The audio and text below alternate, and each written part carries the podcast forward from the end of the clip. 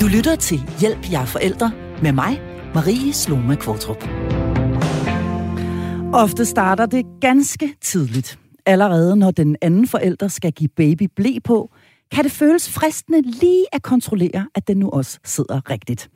Og når vi kommer til mosen, ja, så skal den måske også lige ses efter for klumper, der kan komme i den gale hals. Sidenhen tjekker vi måske lige, om regntøjet er med i tasken, om cykelhjelmen nu også er kommet på, eller om gaden krydses ved fodgængerovergangen som aftalt. Og senere endnu kan det være jakkelommerne, der undersøges for forbudte cigaretter, eller et kig på Find My iPhone for lige at sikre sig, at ens barn nu også er der, hvor det bør være. Men hvornår bliver uskyldig omsorg omklamrende? Hvornår skal vi læne os tilbage i tillid og sluge vores ængstelighed? Og hvordan lærer vi som forældre at give slip på det dyrebareste, vi har, uden at gå midt over af angst for, at der skal ske noget? Alt det skal det handle om i denne uges episode af programmet her. Jeg har valgt at kalde det kontrol. Og til at hjælpe mig med at sætte fokus på netop dette emne, har jeg to yderst kompetente medlemmer fra mit faste panel. Det er direktør i Børns Vilkår, Rasmus Keldahl, og så er det psykolog og parterapeut Frej Pral.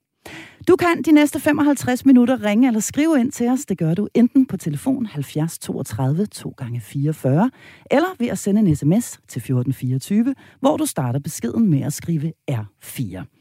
Velkommen til Hjælp. Jeg er forælder. Og så kunne jeg godt tænke mig i dag at starte ved børnenes perspektiv. Rasmus Keldahl, I har jo hos Børns Vilkår en rådgivningslinje, der hedder Børnetelefonen, og den modtager faktisk flere hundrede henvendelser fra øh, børn og unge hver evig eneste dag året rundt. En del af henvendelserne her, de handler om kontrol. Og øh, jeg har fået dig til at tage et par stykker af de henvendelser med. Vil du ikke øh, starte øh, programmet ud her med at læse en af de henvendelser op for os, Rasmus? Jo, det vil jeg i hvert fald gerne, og øh, jeg vil starte med en henvendelse, øh, vi har øh, fået ind øh, igennem et brev, øh, og den lyder, jeg er en pige på 13 år, og jeg vil gerne vide, om jeg selv må bestemme, hvem der må se og røre ved min krop. Mine venner siger, at både deres mor og far har set dem nøgne, men min mor siger, at ingen må se mig nøgen. Jeg synes, at min mor bestemmer for meget over min krop. Hvorfor skal mine forældre bestemme, om jeg går rundt i underbukser, eller om jeg er nøgen? Må de det? Bestemmer min mor og far over min krop? Bestemmer de, hvem jeg viser mig nøgen for? Kærlig hilsen, pige, som er i tvivl. Ja. Ja, øh, det er ikke sikkert, at du ved, hvad der blev svaret, denne her pige, der jo kontaktede jer. Men øh, her er der jo helt øh, tydeligt en pige, som synes, at der er for meget kontrol øh, på spil hjemme, hvor, hvor, øh, hvor hun bor. Og jeg tænker også, at det er tydeligt, at pigens mor her, hun simpelthen er bange for seksuelle overgreb eller, eller øh, krænkelser. Er det ikke i virkeligheden meget normalt? At man er bange for den slags? Jo, altså vi kan jo fortolke forskellige ting ind i øh, det, pigen øh, siger, og det kommer nok også lidt an på vores øh, eget udgangspunkt. Mm. Øh, det, jeg ser, er jo sådan set bare en pige, der gerne vil bestemme selv mm. øh, over øh, hende selv og, og hendes krop. Og øh, jeg ser egentlig ikke noget øh, seksuelt i, i det øh, overhovedet, men det kan da godt være, at moren slipper rundt på nogle oplevelser, øh, eller har et værdisæt, øh, eller selv er blevet opdraget på en måde, hvor det at vise sig nøgen for andre, øh, at det var meget øh, tabubelagt, og det forsøger hun så at, øh, at, at give videre til sin, øh, sin datter. Mm. Øhm, men hvis man ser det sådan i et, i et bredere perspektiv, så, så, så øh, er hun jo også med til at, og, øh, at fortælle hendes datter, at det der med at være nøgen er skamfuldt. Mm. Det vil altså sige, at hun begynder at påvirke datterens syn på kroppen, øh, som noget, øh, der skal skjules, som noget, der måske ikke er pænt. Det, det kan jo fortolkes af, af datteren på, på, på den måde. Mm. Øhm, og, øh, og, og, og dermed også med til, kan man sige, at lægge nogle snubletråde ud for pigens øh, vej. Øh, hun føler også, at hun skal fortælle pigen, hvad hun skal gøre. Det vil sige, hun har ikke, selvom det er en pige på, på 13 år, vi har talt om, så har moren åbenbart ikke tillid til, at hun, kan man sige, forvalter sin krop på en, en hensigtsmæssig måde, men, men, men, men føler trang til at og, kan man sige, udtrykke mistillid til hendes forvaltning gennem de her øh, øh, forbud. Mm. Øh, og, og jeg vil sige, hun, der er jo så også noget med, med hendes far, øh, for eksempel, som, øh, som, som øh, man ligesom fornemmer, at det her heller ikke øh, må se hende øjne. Mm. Og der får hun jo så også lagt afstand øh, i familien øh, til, til faren. Så, så den her kontrol har jo en række øh, konsekvenser, øh, for pigen og, og for hele fa- familiens liv. Og, og det er måske lidt svært at se, hvad er det, der er i den her familie, som gør, at det at vise sig nøgen for, for mor og far, mm. øh, er et så øh, alvorligt problem, at pigen lige frem føler trang til at, at skrive til børnetelefonen om det. Der skal en del til, før man ligesom sætter sig ned og sætter pinden til papir og skriver til os. Det tænker jeg også, at det må være noget, der fylder hos hende øh, i, i en grad, så hun faktisk har behov for at, at, at bede om hjælp. Frej Pral, du er psykolog. Hvad tænker du, når du øh, hører denne her henvendelse øh, læst højt? Hvad er dine første tanker? Jeg tænker mange forskellige ja. ting, når jeg ligesom får den læst højt. Altså, jeg har jo på en måde både pigen i tankerne, og så har jeg også forældrene rigtig mm. meget i tankerne. For det er jo rigtigt, alt det Rasmus han siger, altså de her forskellige konsekvenser, det kan have for pigen, at øh, moren hun øh, håndterer det, og faren håndterer det på den måde, som de nogle gange gør. Men og når det er sagt, så er der jo stadigvæk en eller anden følelsesmæssig virkelighed, vi bliver nødt til at forholde os til. Og det er, at der måske kan være nogle forældre, der af deres grunde, som vi jo ikke kender, måske er bekymrede og er bange for det her med kroppen. Og, mm. og der er noget specielt med sådan en teenage-krop, både for fædre og for mødre for den sags skyld. Altså, den begynder at udvikle sig, og den begynder at ligne altså, en mere seksuel krop, faktisk. Og jeg oplever mm. ofte, at forældre, når de så ser den der krop, især for eksempel en far, der ser sin teenage-datter, ikke? Mm. pludselig kan han mærke nogle ting, der opstår inde i ham selv, hvor han faktisk tænker, åh oh, nej, det må jeg jo ikke mærke det her. Jeg kan ikke finde ud af, nu, jeg tænder måske lidt på min datter lige pludselig, fordi hun ligner lige pludselig en ung kvinde, når hun render mm. rundt der med små bryster og sådan noget. Ikke? Mm. Og så ved man ikke, hvad man skal gøre med de der ting. Og der er jeg faktisk, må jeg sige, tilhænger af, at man i et eller andet omfang som forældre gør tydeligt, altså også for børnene, at der er noget her, jeg ikke lige kan finde ud af at være sammen med. Fordi hvis han ikke gør det tydeligt, men mærker de her ting, så vil hun få en subtil fornemmelse af, at der er et eller andet ved far, Altså, han bliver mærkelig i hovedet. Han ser sådan helt underlig ud, når jeg render rundt her med mine bare bryster, for eksempel. Mm. Og det kan potentielt lære sig som en endnu større forkerthedsfølelse inde i hende, frem for at han siger åbent, det kan jeg ikke lige finde ud af, det der. Altså, mm. Og det er egentlig en dejlig krop, du har, men jeg kan ikke lige finde ud af at være sammen med den, så det må du finde et andet sted at være med. Mm. Altså, så jeg er egentlig også tilhænger af en eller anden form for oprigtighed omkring, hvordan man har det. Fordi man kan jo ikke altid styre, hvordan man har det. Nogle gange så føler man, at man bliver bekymret for det ene eller andet. Det, tror mm. Ja. Dans, det som jo er, er, er ret tydeligt her, vi skal tale meget mere om forældrenes perspektiv lidt senere, men det der jo er ret tydeligt her, det er, at der er en eller anden form for ængstelighed på spil. Ja. Øh, I hvert fald hos denne her mor, og det kan der jo være mange forskellige årsager til. Hun har jo øh, sin egen virkelighed og sin egen historie. Øh, men hvis vi lige prøver en gang at blive en lille smule ved, ved, ved pigen her, mm. hvad tænker du så som psykolog, at, øh, mm. at det kan have konsekvenser for hende øh, og hendes forhold til sin egen øh, krop, og det, altså hendes, hele hendes egen sådan, naturlighed i forhold til nøgenhed og så videre, at hun oplever det her på så tidligt et tidspunkt? Jamen altså, jeg tror bare, jeg vil lægge mig i slipstrøm med det, som Rasmus i virkeligheden mm. sagde. Altså, det kan selvfølgelig gøre, at hun selv føler en eller anden, en, en, altså overtager morens ængstelighed i virkeligheden i forhold til sin egen krop, og, mm. og tænker, at den må være særlig farlig, ikke? Og det, og det kan udvikle et negativt billede på sin egen krop, og det kan gøre alle mulige ting og sager, ikke? Men nu er det engang sådan, at altså, vilkåret er bare, at moren har det på den her måde. Det vender jeg mm. lidt tilbage til igen. Så hvordan kan vi i min, i min optik, gøre mindst mulig skade med det vilkår, hvis det giver mening. Altså, mm. hvordan kan, når mor nogle gange er ængstelig omkring det, eller faren ikke kan, kan holde ud at være med det, og det kan vi ikke lige lave om på, mm. hvordan kan vi så hjælpe hende med at håndtere det bedst muligt? Og der tror jeg simpelthen på, at, at der må være en eller anden oprigtighed omkring, at det er mit, altså at mor ligesom tager ansvar for, jeg har svært ved det, og det betyder ikke, at der er noget i vejen med din krop, altså hvis det giver mening at adskille det på en mm. måde. Der er ikke noget i vejen med den, men jeg har svært ved det af mine grunde, som jeg ikke behøver at komme nærmere ind på, men sådan er det nogle gange, og det, det, det må hun jo på en eller anden måde også lære at leve lidt med den her pige, samtidig med, at hun kan blive betrykket i, for eksempel gennem børnetelefonen, at selvfølgelig er hun inde i en proces, hvor hun må bestemme mere og mere over sin egen krop. Mm. Og samtidig har hun bare en mor, der af sin grund alle bekymrede på sin egen måde forsøger sig at drage lidt omsorg for den, for den ja. der pige der. Ikke? Ja, fordi hun spørger jo altså direkte, Rasmus Kjeldahl, det her, øh, denne her øh, pige på 13 år, må de det, altså mine forældre, må de bestemme over min krop? Og hvad, hvad, hvad, er, der, er der lovgivning på det her område? Altså, hvad har børn egentlig af, af rettigheder i forhold til øh, sig selv og deres egen krop? Altså, jeg vil sige, vi er jo inde i sådan en zone, hvor, øh, hvor, hvor vi jo ikke kan øh, slå hinanden i hovedet med, med, med, med paragrafer. Men, mm. øh, men et barn skal jo have lov til at udvikle sig øh, frit mm. og alderssvarende. Øh, og, og, og, og i den proces, kan man sige, og, og hele opdragelsesprocessen og modningsprocessen er jo i virkeligheden, at, at forældrene går fra et niveau af 100 procent øh, kontrol af, af, af, af det nyfødte barn og, mm. og, og alle de der funktioner til at med, når barnet er 18 år, har 0 procent øh, i virkeligheden. Og det skal jo helst foregå på øh, en måde, som er i, i, i samklang med, med, med de mennesker, øh, der nu er, er involveret.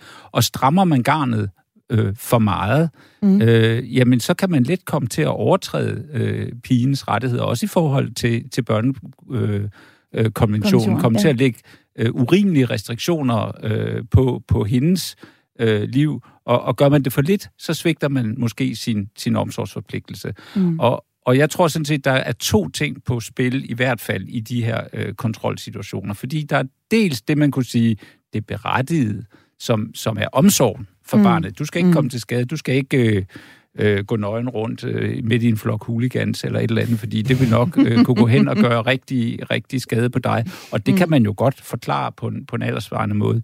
Jeg tror, det andet, og der hvor det er øh, typisk går endnu mere galt, det er virkelig, når det er morens eller farens behov for kontrol over øh, barnet. Altså, og det kan være et behov for ikke at blive forladt. Altså mm. at den frihed, som barnet gør i virkeligheden, hele tiden er tegn på, at det er på vej væk fra mm. forældrene, på vej til at bryde det bånd til forældrene. Og det prøver man så at tage tilbage ved kontrol, og du må ikke, og du skal, og det ene og det andet, fordi så, så forsinker vi ligesom den der proces, det uundgåelige, at, at barnet mm. forlader dig. Og jeg tror, at den form for kontrol, øh, som også skal komme over i negativ social kontrol, som jo tit også handler om familiens anseelse, og sådan set ikke barnets øh, behov, mm. at, at, at det er her, at vi har de største problemer i forhold til, hvad det gør ved barnet og, det, og den unges øh, udvikling. Fordi det, er, det kan meget let blive en form for overgreb, som barnet i hvert fald slet ikke har noget behov for. Mm.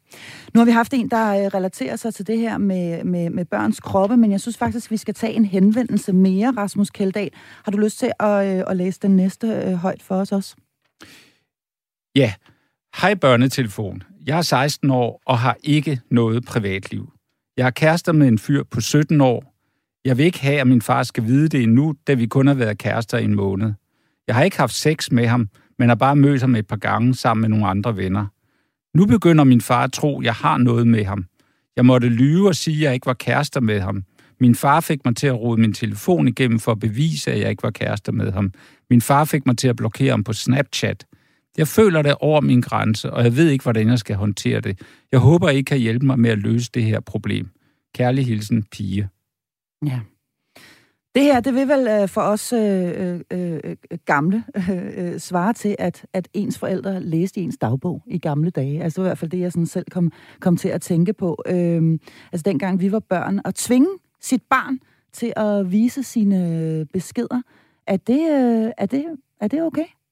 Hvad, hvad, hvad siger I til det? Hvad siger du, Frej? Nej, det er altså Nej. igen, vi er inde, der, der er jo to måder at gå til det på. Ikke? Der er sådan en, en moralsk måske dimension, der handler om, at det er okay eller ej, og der vil jeg helt klart sige, at det er ikke på nogen som helst måde okay.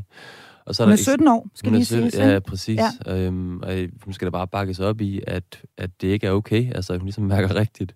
Og så samtidig så er der en eksistentiel dimension i det også, som handler om at blive nysgerrig på den der virkelighed, der nogle gange åbenbarer sig der. Ikke? Altså, mm. en ting er, at det ikke er okay, men altså, hvor, hvad er det, der sker med de der forældre? Det kunne være så interessant at få dem i tale jo på en måde, at snakke med dem, eller ret henvendelse til alle de bekymrede forældre, som jo sidder derude lige nu, og prøve at forestille sig, hvad er det, jeg er så bange for? Mm. Altså, hvad er det helt, hvad er det, jeg er så bange for? Hvad er det værste, mm. der ligesom kan ske, hvis jeg ikke griber ind lige her? Altså, sæt gang i den refleksionsproces, som forældre også er bange for, at hun går ud og bliver voldtaget. Altså, hvad, hvad er det grundlæggende, jeg er bange for, og hvor sandsynligt er det egentlig, mm. at den frygt skal fyldes, som jeg på en måde har i tankerne. Ikke? Mm. Det er noget, man kan gøre for sig selv, og det er mere nysgerrig på øh, i virkeligheden. Og så er jeg også nysgerrig på, ved siden af, at hun skal bakkes op i, at hun selvfølgelig skal have ret til sit privatliv, mm. at hun, der er også en far for, at hun kommer til at se forældrene som meget onde i det her, og så sker der nogle rigtig, rigtig kedelige mønstre, så hun skal på en måde både stå fast på, det her det er min ret, og blive ved mm. med at insistere mm. på den ret, og samtidig måske også få et blik for, at der er, altså det er deres, måske lidt for kvarklæde, men, men ikke desto mindre måde at vise en form for omsorg for hende på, og prøve at passe på hende. Men altså, man kan sige, det her, det er jo klokkeklart, sådan som jeg i hvert fald hører det, en far, der gerne vil bestemme, hvem hun er kærester med, simpelthen, kort og godt.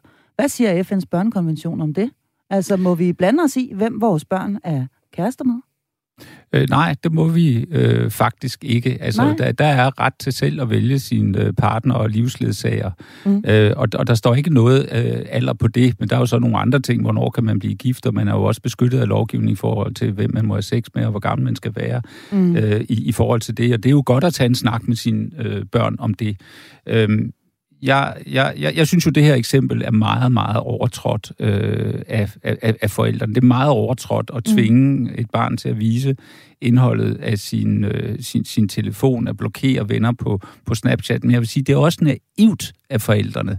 Øh, fordi det er klart, at den her øh, pige, som er 16 år, og som 17. har... Hun er 17, siger hun. Ja. Øh, ja, ja. ja. Øh, som, som, som, som, som har sit projekt med at, at, at folde sig ud i, mm. i livet, øh, jamen hun skal da nok finde nogle strategier.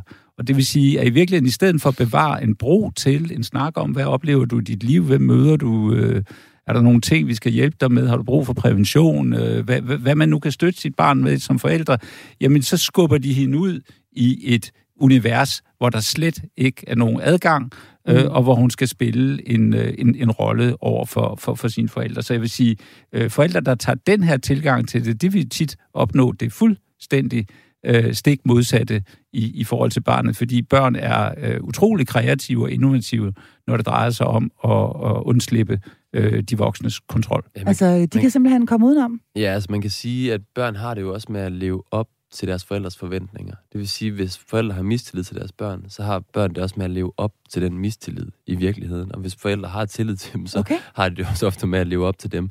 Så problemet er, at der bliver sådan nogle selvopfyldende profetier ofte ja. ud af de her ting, som Rasmus også er lidt inde på nu. Ikke? Altså, de får faktisk enormt meget lyst til at gå ud og bare være sammen med den aller værste rockertype. Ikke? Altså ham, ja. som man virkelig ja. tænker, for det er simpelthen altså, som en protest mm-hmm. adfærd i virkeligheden imod den kontrol, forældrene oplever. Og det er jo det, mest... det skal jeg sige, man også selv bestemme. Ja, det skal jeg øh, virkelig øh, selv bestemme. Ja. Ikke? Hvis du ikke, og det er jo helt basalt, hvis du ikke respekterer mig, så vil jeg virkelig heller ikke respektere jer. Altså, det mm. ligger dybt inde i børn.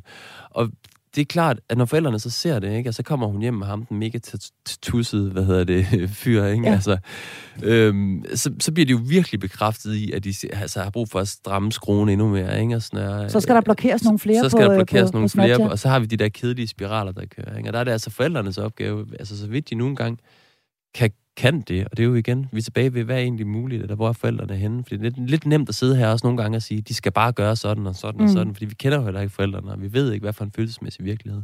Nej, og vi ved heller ikke, hvor mange øh, virkelig uhensigtsmæssige kærester hun har haft før det her eksempel. Det, Nej, alt det, det, det fortæller historien jo ikke noget om. Men vi har Nej. faktisk fået en uh, øh, sms uh, ind her på 1424. Jeg skal lige skynde mig at sige, at du er også meget velkommen til at smide en afsted. Du skal bare starte beskeden med at skrive R4.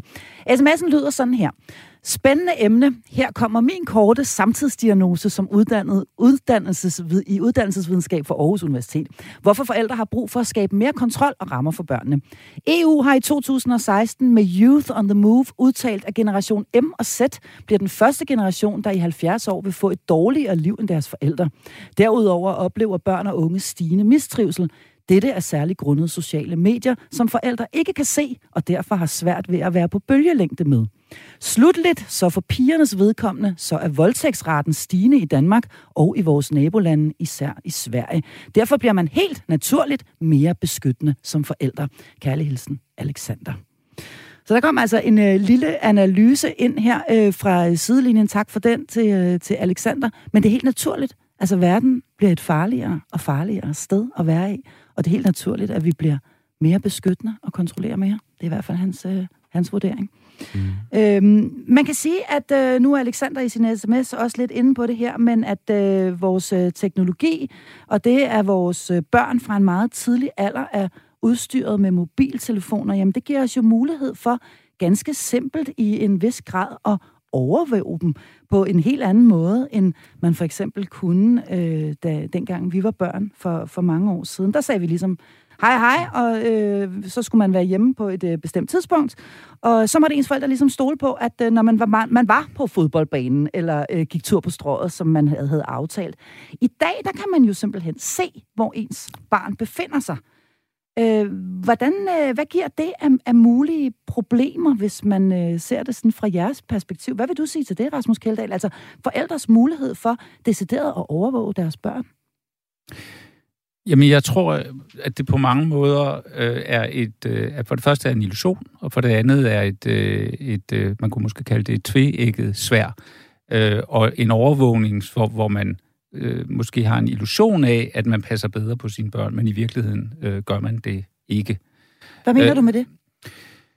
Jeg, jeg, jeg, jeg mener sådan set, at, øh, at, at jeg i hvert fald oplever, at nogle børn øh, får netop stukket den her mobiltelefon øh, i hånden, øh, mm. går fra en meget ung alder alene mm. rundt øh, i byen, fordi de kan jo altid komme i kontakt med forældrene. Mm. Men realiteten er jo, at et, et lille barn øh, kan blive kan tabe sin mobiltelefon, kan kan komme rigtig meget op at køre, kan blive manipuleret af andre voksne, øh, som, som måske godt kan gennemskue det her. Så det, så det bliver en form for falsk øh, tryghed øh, i mange tilfælde. Øh, og, øh, og, og, og jeg er i hvert fald meget i tvivl om, eller jeg er faktisk ikke særlig meget i tvivl, men, men, men jeg tænker, at det her med at, at lære sit barn at, at færdes trygt alene og løse mm. situationer alene på en aldersvarende måde, det er langt den største sikkerhed, man kan give sit barn, at kunne selv håndtere, hvis man ikke når bussen, og, og hvad gør man så, og så vender man på den næste, eller, eller man går hjem, eller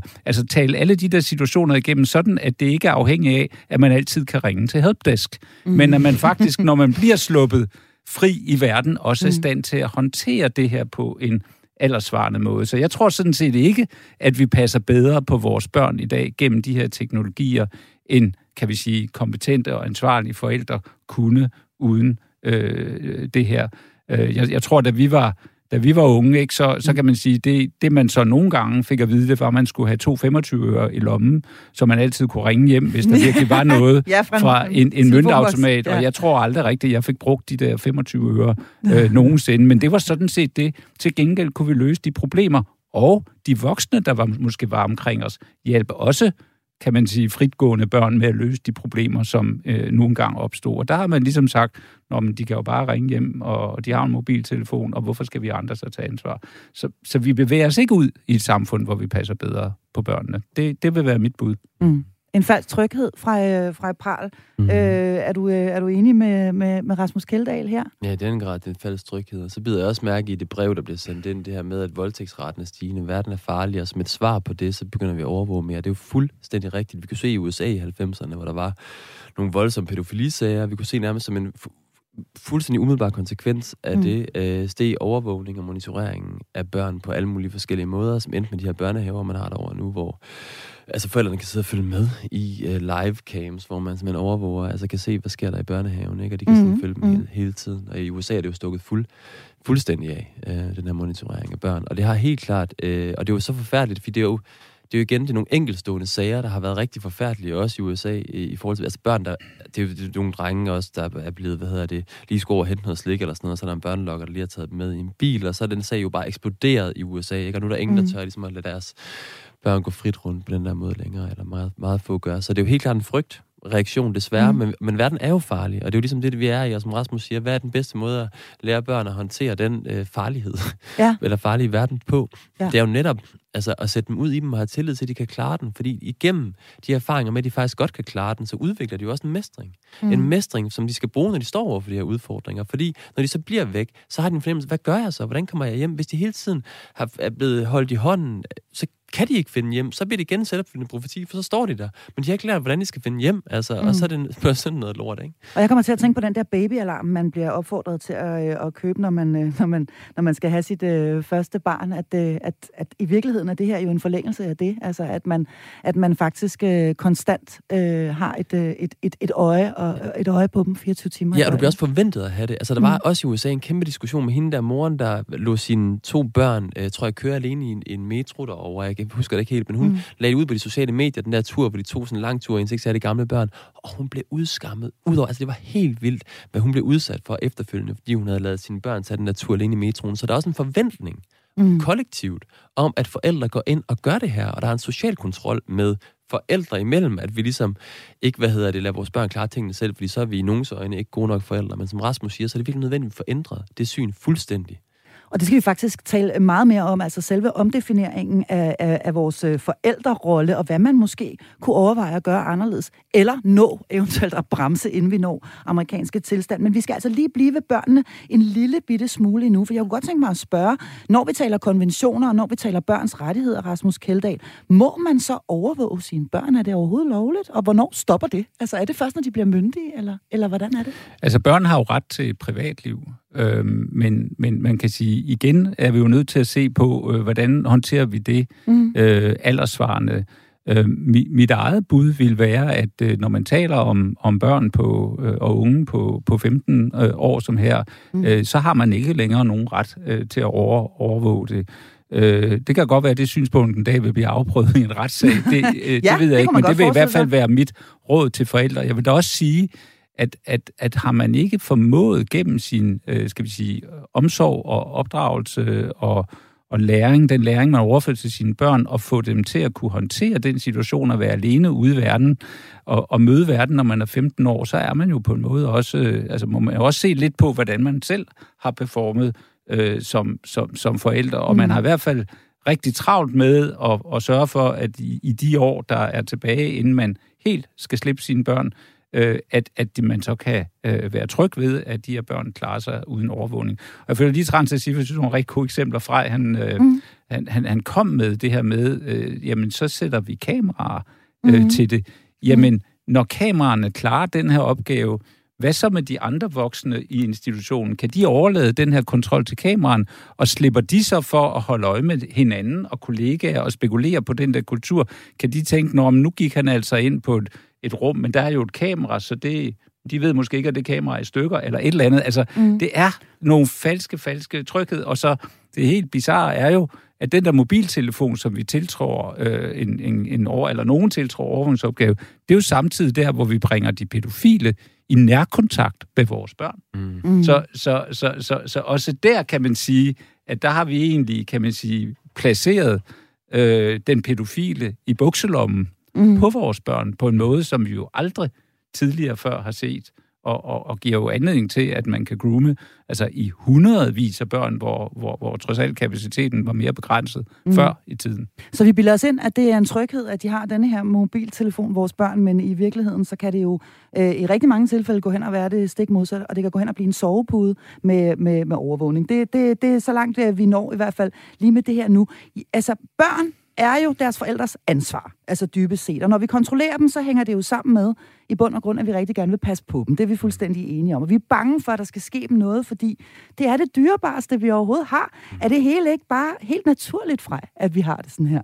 Jo, det er da helt vildt naturligt, og jeg tror bare, det er så vigtigt at lægge mærke til den der omsorgsfulde intention, der jo ligger ja. bag noget af det, der kan være enormt invaderende og have nogle kedelige effekter på de børn, mm. øh, de nogle gange går ud over.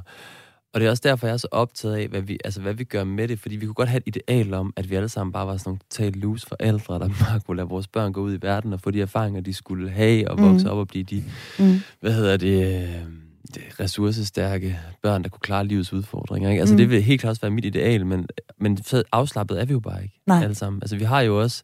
Altså, udover, så er der selvfølgelig nogle af de ting, vi kan skrue på, som Rasmus siger omkring forældreforfængeligheden. Ikke? Hvordan vil vi gerne have vores børn ligesom optræder, når de er mm. ude socialt. Og så har vi også bare nogle ting med os som forældre selv. Altså, vi har, vi har også haft forskellige barndomme med forskellige udfordringer, som gør, at vi har forskellige angstniveauer. Vi er ængstlige på forskellige måder, mm. vi er mm. urolige på forskellige måder. Og det er næsten umuligt, at, at det ikke har indflydelse på vores forhold til vores børn. Og, ja. Og der er jeg optaget af, hvad stiller vi så op med den, når den er der? Fordi så kan vi godt have idealet om, at vi skal bare slappe af. Men jeg er jo ikke afslappet. Jeg Nej. har det jo ikke sådan. Jeg har ikke tillid til verden. Og der er jeg bare meget optaget af, at vi som forældre kan give vores børn det her indtryk, at det er altså mig, der har et problem med tillid til verden. Det er ikke, fordi jeg har et problem med tillid til dig. Altså, vi skal på en måde forvente den om, fordi mange børn kommer til at tænke, det er jo mig, der er sådan et eller andet helt galt med, siden mm. man ikke kan have tillid til mig. Hvad sker der her? Der er det på en måde, trods alt, bedre at mærke, at det er min far eller mor, der har et tillidsissue generelt her, men ikke et tillidsissue, der handler om mig som person. Vi skal tale meget mere om lige præcis det, øh, du er inde på her. Det skal vi nemlig lige om lidt, når vi skal kigge på forældrenes perspektiv. Men allerførst er jeg simpelthen nødt til at spørge dig som psykolog. Øh, gør det børn utrygge, når vi er utrygge?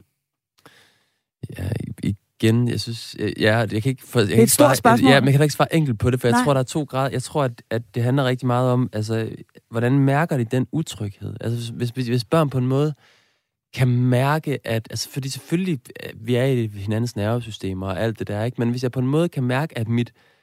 Altså, hvis, jo mere subtilt det bliver, jo mere jeg kan mærke, at jeg ikke rigtig kan forstå, hvad, at der foregår et eller andet med far og mor. Men jeg kan ikke mm. helt forstå, hvad det er. Der er et eller andet, de, de, øh, de bliver lidt mærkelige i blikket, eller øh, når, når, når jeg snakker om den nye kæreste der. Eller, ja, altså, det er på en måde meget mere utryg, fordi det giver mig en masse fantasier mm. som barn om, hvad der kan være på spil, og hvad der kan være galt. Mm. Der er det på en måde bedre, trods alt, at, hvad hedder det, at, at min far og mor kan sige, det, det er mig. Altså, jeg har det her, og det er sådan, det er. Og så må man på en måde stå ved det, altså som forældre. Jeg, jeg har det på den her måde. Jeg har det stramt. Men, jeg har det stramt ja. med det. Men så kan barnet placere det der, hvor det hører til, altså hos forældrene på en måde. Og så er det rigtigt nok, det, kan stadig, det er jo stadigvæk utrygt, men det er ikke lige så utrygt, for jeg på en måde bedre kan se som, som barn, okay, ja, min mor er mega... Det er sådan, at der mange, jeg har masser af børn, der siger, ja, min mor er mega ængstelig omkring noget, men det påvirker altså ikke mig. Jeg er skide ligeglad. Okay. Så børn kan godt have ængstlige forældre, uden selv at blive ængstelige. De to ting. Og jo, i højere, jo mere de kan placere ængsteligheden hos forældrene, eller hvad mm. man tænker, det handler om, mig, og livet er farligt, og det... Og, altså, for, forstår du, hvad jeg mener? Så, ja, jeg forstår det godt. Ja, så, så det skal ligesom ind på ja, den rigtige hylde. Det skal ind på den rigtige øh, hylde. Og, og, og, det skal tages tilbage til, til forældrene lige selv. præcis, lige præcis. Øhm, ja. Den sidste ting, jeg lige godt kunne tænke mig at, at, at, at, at spørge om her, når vi nu ser på børnenes perspektiv, mm. jamen det er risikoen for, at hvis vi ligesom øh, overvåger dem og kontrollerer dem, og i, i det hele taget er meget på dem hele mm. tiden, 24-7, Øh, risikerer vi så ikke, at de ganske enkelt en eller anden dag tager afstand fra os og siger, fuck ja, mand, altså nu vil jeg ud og have min ultimative frihed. og, øh, og, nu, og, nu, og nu sletter jeg dig fra Snapchat, øh, mor. Altså, øh, og så kan du rende, rende og hoppe. Altså risikerer vi ikke den, den, den, den totale modreaktion en eller anden dag? Jo, enten. Jeg, vil ikke risikere, jeg, jeg har faret to ting. Jeg har faret, enten risikerer vi modreaktionen, som mm. jo netop den der med, fuck dig, så skal jeg bare ud og give den ja. guldsmadret, ikke? Eller også risikerer vi, at øh, vi får nogle børn, der simpelthen har, er mega afhængige af os. Altså, ja. dem har jeg så også oplevet nogle mm. af, ikke? som simpelthen overhovedet ikke kan... Altså, de mister deres livsduelighed. Jeg har nogle meget grælde eksempler på det. Jeg har nogle eksempler på... Altså, nogle, nu kan, siger jeg jo ikke konkret, hvad det handler om, men jeg har jo klienter, altså, som har været igennem... Altså, har haft meget, meget kølende, omsorgsfulde forældre, men som har simpelthen taget alt ansvar fra dem, og de kan simpelthen ikke, der er mange helt basale ting i livet, de får svært ved at gøre og håndtere. Altså, de, der er meget, altså helt basale ting, som er, altså få et job, kom, og altså, der er sådan nogle ting, der, der, der er virkelig svært for dem, for de har aldrig lært, lært det, de har aldrig haft et job selv, de har aldrig været ude og slå græsplænen for naboen, for ligesom at tjene nogle penge, altså fordi forældrene har nødt. Og der er nogle basale ting, de ikke har fået med der, og så bliver forældrene på en måde ved med at være forældre for det der 30-årige barn, ikke? der ja. stadigvæk sidder. Så det er den anden grøft, man kan falde i, at man ligesom får sådan nogle øh, livsudulige børn. Livsudulige børn, Rasmus øh, Kjeldahl, det, øh, det skal vi ikke have noget af. Er det, er det det, vi risikerer også i din optik, ved at, at kontrollere dem for meget, og, og, og, og også køle dem øh, alt for meget? Fordi det hænger jo måske også sammen. Altså, de står ved bussen, den kommer ikke, det regner. De tager telefonen, ringer hjem, så skynder mm. mor at køre sig ud og hente dem.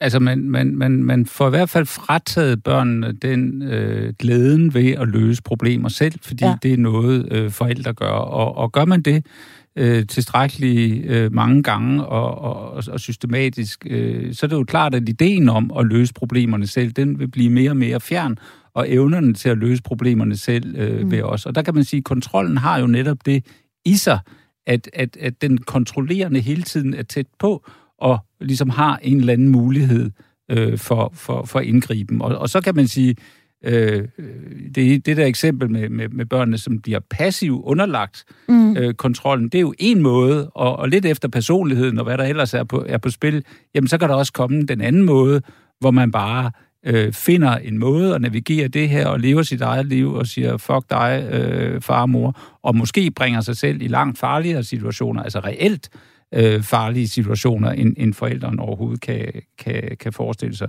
Men jeg, jeg vil godt lige tilføje også til noget af det, øh, Frej siger, øh, det der med, at man skal for, altså prøve at være tydelig omkring, hvorfor, hvorfor føler man, som man føler. Mm. Jeg synes jeg måske, der skal en ting til med her, og det er jo, at det der med at være voksen, og især at være voksen i forhold til nogle barn, det gør jo også, at man tager lidt mere ansvar for mm. sine egne følelser. At man tænker, okay, hvis jeg har det her issue, så skal jeg måske håndtere det. Ikke mm. kun vælte det ud over mit barn, øh, sådan at barnet forstår, hvor jeg er hele tiden. For det kan også blive en ret frustrerende oplevelse for børnene, men også måske gå til en psykolog eller, eller mm. andet og sige, at jeg bliver sgu nødt til at håndtere det her, fordi det rammer mit, mit barn for højt. Jeg, jeg, jeg er nødt til at være den voksne mm. i, i det her forhold. Og, og, og med at være den voksne handler jo også om at tage tage, tage ansvar for sit eget angst og prøve at håndtere den på en måde, så, så man kan være en ordentlig forælder. Mm. Der vil det jo være så værdifuldt, hvis man netop nu kommer parterapeuten så også på banen, ikke? Hvis ja. det så inden man ja. kommer til, øhm, til psykologen, så, så sæt dig der og snak med din partner. Altså mm. sidder der og snak, jeg, jeg er simpelthen så bange for det her.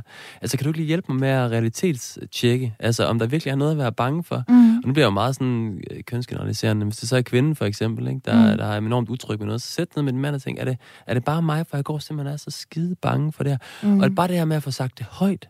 Det gør altså noget for de fleste ved, ved deres egen angst. Altså det gør det. Jo mere den får sådan et eller andet skjult, tavs liv inde i dem selv, jo, jo sværere bliver det. Så jeg oplever, at mange bare det med at få sagt det højt, hvad hedder det, mærker en lille smule Så er man allerede, så er du allerede et, på vej. Så er man allerede ja, du er et, skide et meget stykke. På vej. Ja. Ja. Du lytter til Hjælp, jeg er forældre. Ja, vi taler altså i øh, denne uges episode af programmet her om kontrol, om når øh, forældre kontrollerer deres børn. Og jeg har to medlemmer af mit faste panel med mig her i studiet, nemlig psykolog og parterapeut Frej Pral og direktør i Børns Vilkår Rasmus Keldal. Du kan stadig ringe eller skrive ind til os med spørgsmål eller kommentarer. Telefonnummeret herind til er 72 30 2 gange 44 og på sms'en, der skriver du R4 og sender afsted til 1424. Vi har talt om børnenes perspektiver. Vi har hørt nogle eksempler fra øh, Børns Vilkårs rådgivningslinje, børnetelefonen. Og nu er vi altså godt i gang med at øh, kigge på forældrenes perspektiv. Og der er jo ikke nogen som helst tvivl om, fra Pral, at det her det handler om øh, ængstelighed. Jeg kunne godt tænke mig at spørge, hvornår går ængstelighed, øh, som vel er fuldstændig naturligt fra det øjeblik, vi får, øh, får børn, at der følger den jo ligesom med. Det er en del af pakken. Mm. Men, men hvornår går det hen og bliver til angst, og bliver til noget, som vi skal reagere på? Altså, hvornår er det, vi sådan, i virkeligheden selv skal sige, nu er det her ikke sundt længere, mm. hverken for mig eller for, øh, for mine omgivelser? Ja. Kan man det sige noget om det? Ja, det kan man godt. Altså, men det, jeg, jeg har ikke sådan noget diagnostisk, jeg sådan hiver op af, hiver Nej. op af hatten, eller, men jeg har en...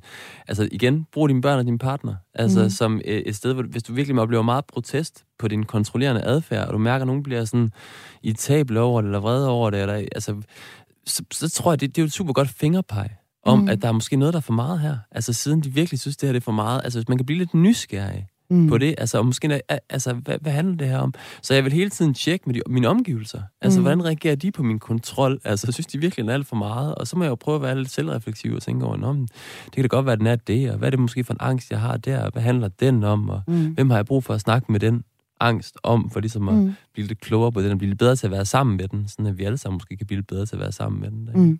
Vi har fået en, øh, faktisk en hel øh, række sms'er her, og der er blandt andet nogen, der går på det her med, at børn, der omgår reglerne, altså de skal nok finde ud af det, og de er simpelthen for kloge, og der er en, der skriver her, øh, de øh, går bare hen et sted og sender en MMS, altså tager et billede, og så går de på bar bagefter, altså hej mor, jeg er her, så er de i virkeligheden et helt andet sted. Der er også en del sms'er, der handler om voldtægtsraten, der stiger og stiger, og at det er helt naturligt, at vi forældre bliver bange. Og så er der endelig en her, der skriver, det er lidt synd, I er så enige i studiet. Jeg savner at høre fra en beskyttende mor i programmet.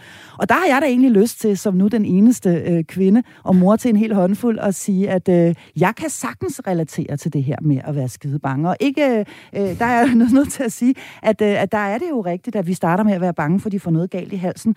Øh, men, men, øh, men det der med at ligge vågen en hel nat og være bange for, at, øh, at ens datter bliver, bliver, bliver voldtaget eller bedøvet af stoffer, som er min personlige allerstørste skræk, altså at der er noget, der, nogen, der putter noget i deres øh, drink eller et eller andet, det, øh, det er, øh, den, tager jeg, den tager jeg gerne på mig. Jeg vil gerne være den beskyttende mor her, øh, og sige, Super at, øh, at, sige, at øh, jamen, jeg er bange, og jeg, har også, jeg giver også min øh, datter øh, penge med til en taxa, så hun ikke skal gå på gaden øh, hjem fra byen, og, øh, og så videre, og så videre her.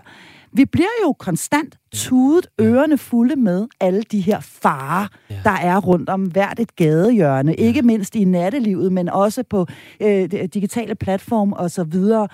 Hvilken rolle har jeg lyst til at spørge dig om, Frej Pral? Spiller, øh, spiller medierne og vores omgivelsers påvirkning, og eksperter som dig selv, Ja. øh, og ja, ja, begge to, hvilken rolle spiller øh, omgivelserne i forhold til vores eget angstniveau? Jeg synes, det er super, super fed sms. Og, Mm. og igen, vi er tilbage ved det idealbillede, vi har, om vi bare skal være afslappet, som er mega Mm. naivt. Det er nemmere Også- sagt end gjort. Det er mega naivt. Mm. Og jeg tror også, man skal se ikke bare mediebilledet, som helt klart puster til en angst, og eksperter som mig, som skal ud og fortæller, at øh, der er alle mulige utallige måder, vi kan skade vores børn for li- på livstid. Ikke? Altså, Mm. mm. ved, at vi kan svigte dem på så meget. Altså, det- selvfølgelig bliver vi bange, og hvis vi nu bare kigger i et endnu større perspektiv på det her, for at forstå hende, så historisk set, så er det jo, så det godt være, at vi snakker meget om overvågning lige nu, men er, er I klar over, hvor meget social kontrol der var for 100 år siden? Altså, Mm. mm. det var jo meget mere massivt, altså, end, end det, vi overhovedet kan tænke det i dag. Mm. Altså, der, altså jeg, jeg tror også bare, man skal se lidt historisk på det og sige, der har faktisk været fundet en omfattende frisættelse sted, mm. til trods for, at ja, vi har alle de her måder at overvåge børn og så videre på øhm, i dag. Øhm, og, og jeg tror også lige, vi skal vende os til den her frisættelse. Jeg tror også, vi er nogle forældre, der lige skal, altså øh, historisk set, lige skal vende os til, at vi ikke har den her kontrol over vores børn, som vi historisk set, altså vi har jo haft dem i vores hulehånd, Mm. altså historisk set, ikke? Og nu er vi heldigvis da begynde at give dem mere fri. Men det skal vi så, den frihed skal vi også lige vende os til. Så jeg tror også, vi skal have sådan overbærende igen blik på os selv som forældre. Altså, hvad mener du med, at vi giver dem mere fri? Øh, jeg, altså mener bare, helt konkret? jeg, jamen, jeg mener bare helt konkret, at der har været alle mulige totalt faste forventninger til, hvad skulle du blive, for eksempel? Mm. Hvem skulle du blive gift med? Mm. Altså, hvad hedder det, tømmer, øh, hvad hedder han, øh, møllerdrengen, han blev møller, ikke? Altså, mm. der var alle de der, det, det var fuldstændig bestemt og sat til rette, hvad der skulle ske. Mm. I dag, der aner vi det ikke. Altså, Nej. børnene, de har på en måde, de skal definere deres egen livsbane og finde deres eget, eget sted i verden, og vi, vi skal på en måde ud af det der billede der. Altså, der er ikke en eller anden søn, der overtager gården, vel? Som det var i, før Nej, i tiden. der er frit valg på alle hylder. Der er frit valg på alle hylder. Og der er vi selvfølgelig, altså, det, det, skal, det tror jeg simpelthen, vi skal vende os til, at det, er, det er noget nyt, og det, det skaber selvfølgelig en masse angst. Det kan da ikke være anderledes. Mm. Frit valg på alle hylder, øh, Rasmus Keldahl, og vi skal øh, som forældre øh, ligesom læne os tilbage og, øh, og, og, og, øh, og have tillid til, at øh, det kan de godt finde ud af at administrere, eller hvad? Hvordan ser det ud øh, fra dit øh, perspektiv? Uh, der er mange ting at, mm. at, at, at sige om det, øh, og også i, også i det, det historiske øh, perspektiv. Mm. Men måske mere at tage udgangspunkt i noget af det, som stod i sms'en, det her med at, at have angst. Ikke? Mm. Øh, så altså, mit råd til forældre vil være at, at sige, jamen altså, øh, hvis, hvis, hvis reaktionen på angst er kontrol, så mm. tror jeg, at man går ned af den forkerte vej. Mm. Øh, men hvis man har den angst, så tror jeg, at jeg vil sætte op og sige, hvad kan jeg gøre for at reducere den angst. Mm. Jeg kan give mit barn nogle penge med til en taxa. Det er jo mm. sådan set ikke kontrol. Det Ej. er det er omsorg. Ja, okay. Øhm, tak. jeg kan tale om gode praktikker, når man står ved en bar. Hvordan undgår man, at nogen putter noget i ens øh, drik? Mm. Og så videre, mm. og, og så videre. Så, så det der med, at man går fra at sige, når man, jeg, kan, jeg kan give mit barn nogle beskyttelsesfaktorer, og lære barnet at administrere de her beskyttelsesfaktorer, mm. så vil jeg tro, at man vil kunne lægge sig til at sove med noget større ro i livet. Jeg, jeg kan ja. ikke give en 100% garanti for det, for selvfølgelig er der rigtig mange ting øh, på spil her.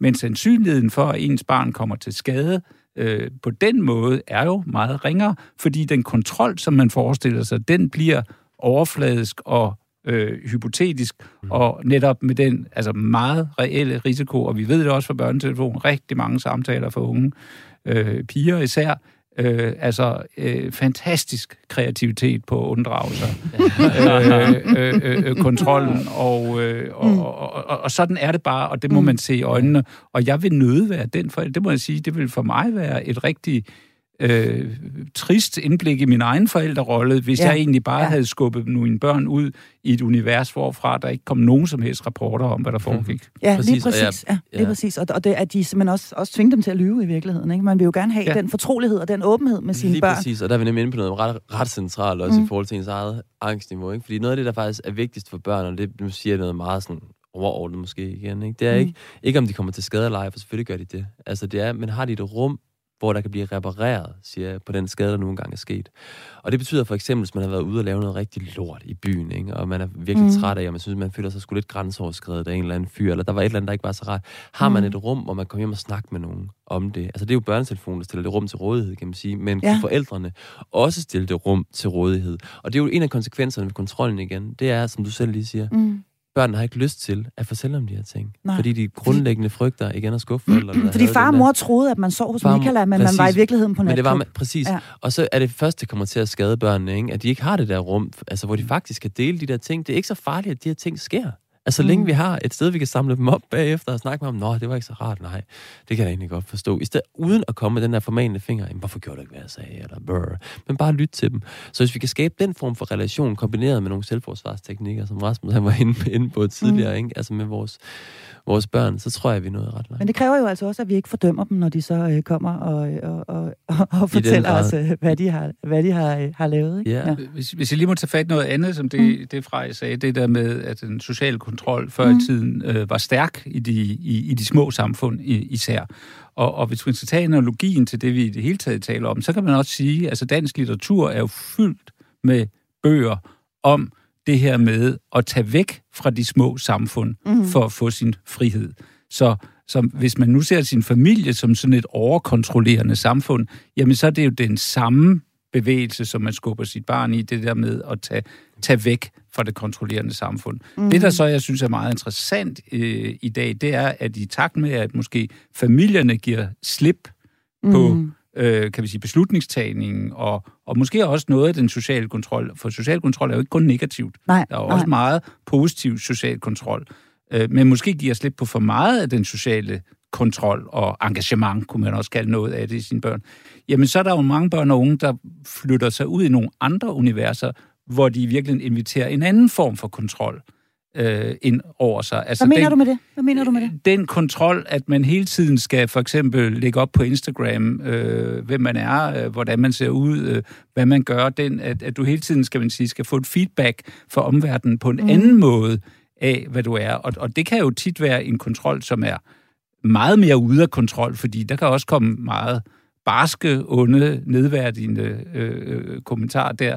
At, at, at, altså, der, der er, vi har jo nok et behov for at være øh, under en form for social kontrol, og vores mission som voksne, og, og, og om man så er forældre, eller, eller farvevoksne, eller hvad man er, er jo at få det til at blive den positive øh, Øh, måde, hvor vi ligesom kontrollerer hinanden på, og siger, jamen jeg kan egentlig meget godt lide, du tjekker mig lidt ud, og, og giver mig lidt feedback, og, og, og giver mig noget input, men der, hvor vi ikke øh, begrænser og ødelægger hinandens øh, rettigheder, og skubber hinanden ud i, i måske faretroende situationer. Mm. Vi har fået en sms her, og den lyder simpelthen sådan her. For det øjeblik, jeg fik et barn, har jeg været bekymret konstant. Selvfølgelig prøver jeg at skjule det. Jeg har aldrig været kontrollerende, men jeg vil ønske, at jeg kunne slippe for bekymringen. Og det er altså Inger, der skriver sådan her. En konstant bekymret, er det bare noget, der følger med forældrerollen fra April? men ja. altså, er det vilkåret? Altså, nogen vil sige, at det er, at det er større vilkår måske for kvinder, end det er, der møder, end det, end det er for fædre. Det ved jeg ikke, om er helt rigtigt. Men øhm, jeg, jeg tror helt klart, der er et vilkår, fordi vi får jo på en måde et, et særligt ansvar. Altså også mm. når vi får børn, så selvfølgelig følges det også af en, af en bekymring. Jeg kan se det på mig selv. Mm. Øh, når min søn, han ligesom pludselig siger et eller andet med, han, et eller andet, han sagde for lyden, sådan med, han havde, jeg tror, jeg har en fejl i hovedet, far.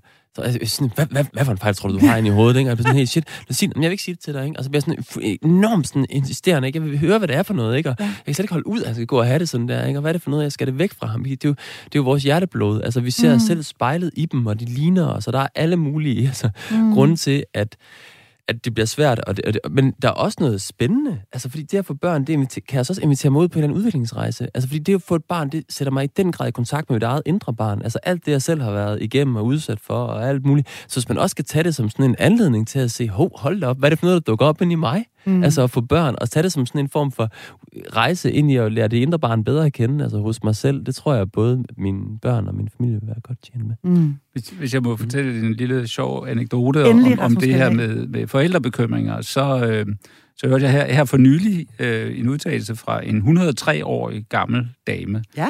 Og, øh, og det var netop det der diskussion med at være bekymret for sine børn. Hvornår mm. øh, holdt man op med det? Og hun sagde, at nu hvor hendes yngste datter endelig var kommet på plejehjem, så bekymrer hun sig for første gang ikke længere om sine børn.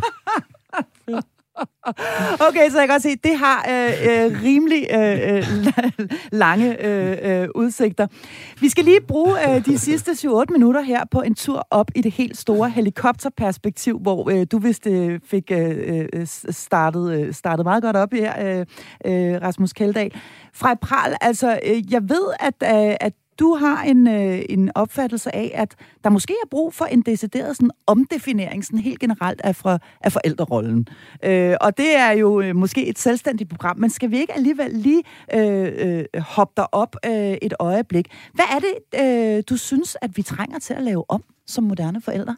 Mm. Jeg synes, Sarah Alford, hun beskriver det malende i sin bog, som hedder Forældredeterminisme, så vidt mm. jeg lige husker det. Hun beskriver sådan en situation, hvor hun ser, hvor hun jagter sådan en, en far øh, stå og kigge på sønnen der, som er ved at hvad er det, kravle op i et træ eller et eller andet den stil. Og så ser han det som sin fornemmeste opgave at skynde sig hen med nogle mælkekasser, som han ligesom stabler op under, så den der søn, han ikke fald, falder ned. Ikke? Han laver som stilas næsten ja, rundt om sønnen. Ikke? han bygger stilas. Han bygger stilas ja. rundt om. Jeg, jeg, jeg kan huske ikke helt, om det er sådan, det, det, det er sat op. Men pointen er bare, at faren, han ser det som sin opgave, at, hvad hedder det, sørge for, at sønnen der ikke rammer, øh, falder ned og slår sig. Ikke? Altså han skal mm. undgå, at sønnen får den der erfaring. Og der håber jeg, at vi kan omdefinere altså forældrerollen fra, at det bliver forældres opgave at sørge for, at børn ikke oplever de her slemme ting, til rent faktisk at skubbe dem ud i det her tillid til, hallo, det er, det er faktisk opgaven at skubbe dem derud og lade dem mærke, de her, få de her skrammer, falde ned fra det her træ igen, så han kan komme op igen. Og så kan vi stå der og trøste dem og være der for dem, når de mm. slår sig, og det gør ondt på dem i livet. Den forældrerolle håber jeg, at vi kan, gå mere i møde. Skal vi gå fra curling til bowling i virkeligheden? Altså, er, er, er, er, vi, er vi lidt ude i, at det, det plejer jeg gerne at sige, at jeg har bowlingbørn, øhm, ja. øh, som, som bliver skudt, skudt, skudt afsted, og så kan det godt være, at jeg ligger derhjemme og er et nervous wreck, øh, mens, mens, øh, efter jeg har skudt dem ud. Men jeg skyder dem dog trods alt afsted øh, ja. med, med penge i lommen til en taxa. Er det, ja. den, er det den bevægelse, du i virkeligheden taler om, at vi bliver bedre til at have tillid til, at det skal nok gå, og så lade dem falde og slå sig, og så være klar til at gribe dem, når de har slået sig, for det gør de jo. Ja, det gør de jo. Ja, ja. og igen, det er sagt med den største respekt for de mennesker, der sidder derude og hører ja. det her, ikke? Fordi jeg ved godt, det ikke er nemt bare at sige, I skal bare tillid. Nå, okay, så skal der bare tillid. Det går der bare lige ud og har i morgen, så, ikke? Nej, nej, men, men, men, men det, kræver, fald, det kræver søvnløse nætter. Ja, det kræver, jeg, jeg tror, det er en, ja, det er det, en intention ja. om det. Ja, ja det er ja. mega, en intention om at have tillid, og en intention om at stå der, når de så falder, falder og slår sig igen, lige præcis. Ja. Er du enig i, uh, i, i de her betragtninger, Rasmus Kaldal, at vi uh, måske skal blive uh, bedre til som forældre og have mere, uh, have mere tillid? Og, og, og, og køle, lidt, køle lidt mindre, hvis vi skal bruge det lidt fortærskede udtryk? Ja, og det, det handler jo meget om, hvad man lægger i, i de her udtryk. Altså, jeg, jeg, jeg tænker egentlig, at, at forældre generelt øh, kunne have glæde af at sætte sig mere ind i, øh, hvordan børn de, de udvikler sig. Mm. Og, øh, og vi har for, for eksempel for en nybagte familie lavet en række små, ret interessante film i Børns Vilkår, blandt andet, hvor man meget tydeligt ser det her med et barn, som øh, skal man sige, skifter mellem øh, behov for tryghed og behov for udforskning. Mm. Og mhm. hvordan for det helt lille barn, at forældrens rolle bliver at finde ud af, hvad er det barnet har behov for nu? Er det tryghed eller udforskning? Og så understøtte de to ting. Mm. Og det fortsætter jo faktisk hele barndommen igennem, øh, selvfølgelig på en anden måde, men, men, men det der med at give plads til udforskning, understøtte udforskning, men også være der øh, som, som trygge, og jeg tror, at måske den allerstørste udfordring i dag er, hele tiden at holde en kanal åben til sine børn. Og problemet er jo i dag, at man er så mange andre kanaler, at man er måske selv på sociale medier, og man er alle mulige andre steder og kommunikerer mm. med mange mennesker, der ikke er i det rum. Men husker man i det også at holde den kanal åben øh, til ens børn, så tror jeg, man er kommet rigtig langt med, med, med forældrerollen, og så tænker jeg, at når efterhånden som børnene bliver større, så skal man jo mere og mere være det sted, hvor barnet en gang imellem får lyst til at vende tilbage, for her trygt, her bliver man elsket mm. øh, ubetinget, og man bliver, ikke, og man bliver mødt med, med, med, med tillid og, og, og, og, og kærlighed. Og, og det kan så fortsætte som ens livsvarige, men voksen relation til ens barn. Og det er jo mm. også det, vi som forældre skal lære, det er at få en voksen relation til vores barn, mm. og ikke en, en voksen øh, barn-relation. Mm. Er du enig i, øh, er det byggestenene? Ja. Er det, øh, det er ganske kort formuleret, ja. øh, hvis man skal sætte det på formel? Er det, er det nogle... Øh, ja, ganske kort formuleret, så kom jeg bare lige i kontakt med, at jeg selv var et barn. Øhm, mm. Og jeg så havde to forældre, der kom hen til mig. Eller først så kom mine forældre hen til mig og satte sig på hug ved siden af mig, fordi de kunne se, at jeg havde det svært med et eller andet. Og så kiggede de på mig med meget bekymrede øjne, og så sagde de, vi er simpelthen så bekymrede for dig. Og så prøvede mm. jeg lige at mærke, hvordan føles det egentlig, inden I at høre det? Vi er simpelthen så bekymrede for dig. Og så forestillede jeg nogle andre forældre, der kom hen og sagde til mig, vi kan se, at du har det svært med noget, og vi tror på dig. Mm. Og jeg kan simpelthen mærke, der er en, altså jeg kan, barnet, det, der er sådan en følelsesmæssig dødvægt mm. i det første eksempel. Mm. Og det tror jeg, man skal prøve en måde på, som forældre, prøve at lukke øjnene. Forestil dig, du er et barn. Mærk, hvad det gør ved dig. Mm. Altså at få de to forskellige budskaber. Fordi for, altså, børn har så meget brug for forældres opbakning og tillid og tro på, de kan godt. Altså, den er mega vigtig. Mm. Og der kommer bekymring på en måde til at veje den anden vej rundt. Og igen, ja, så bliver vi bekymrede, at det sker. Og igen, så, og så må vi på en måde også kigge ind i det og prøve at stå mm. ved det. Og det stopper altså først, når det yngste barn en eller anden dag kommer på plejehjem. Ja. Vi når desværre ikke mere i uh, denne uges udgave af programmet her, hvor jeg var i ualmindelig godt selskab af to medlemmer af mit faste panel, nemlig direktør i Børns Vilkår, Rasmus Kaldal, og psykolog og parterapeut Frej Pral. Jeg vil gerne sige tak til dig, som skrev ind til os undervejs, og til dig, som lyttede med. Og så vil jeg i øvrigt gerne invitere indenfor i programmets Facebook-gruppe, hvor du både kan komme med ønsker til fremtidige emner og stille spørgsmål direkte til panelet. Næste fredag har jeg igen fornøjelsen af mit panel, når det skal handle om de stressede forældre. Mit navn er Marie Sloma Kvartrup. Rigtig god weekend.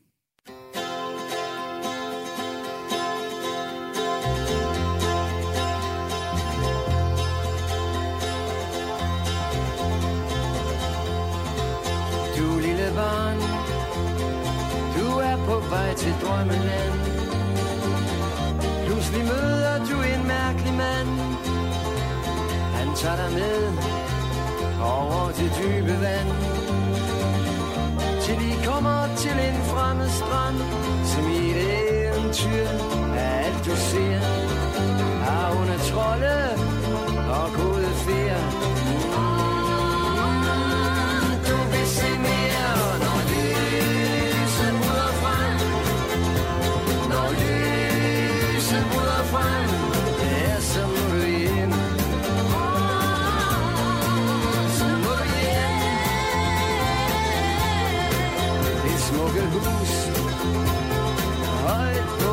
Bakketov Kun den smalle sti kan nå derop. Et kraftigt tus fra dribbens vingeslag.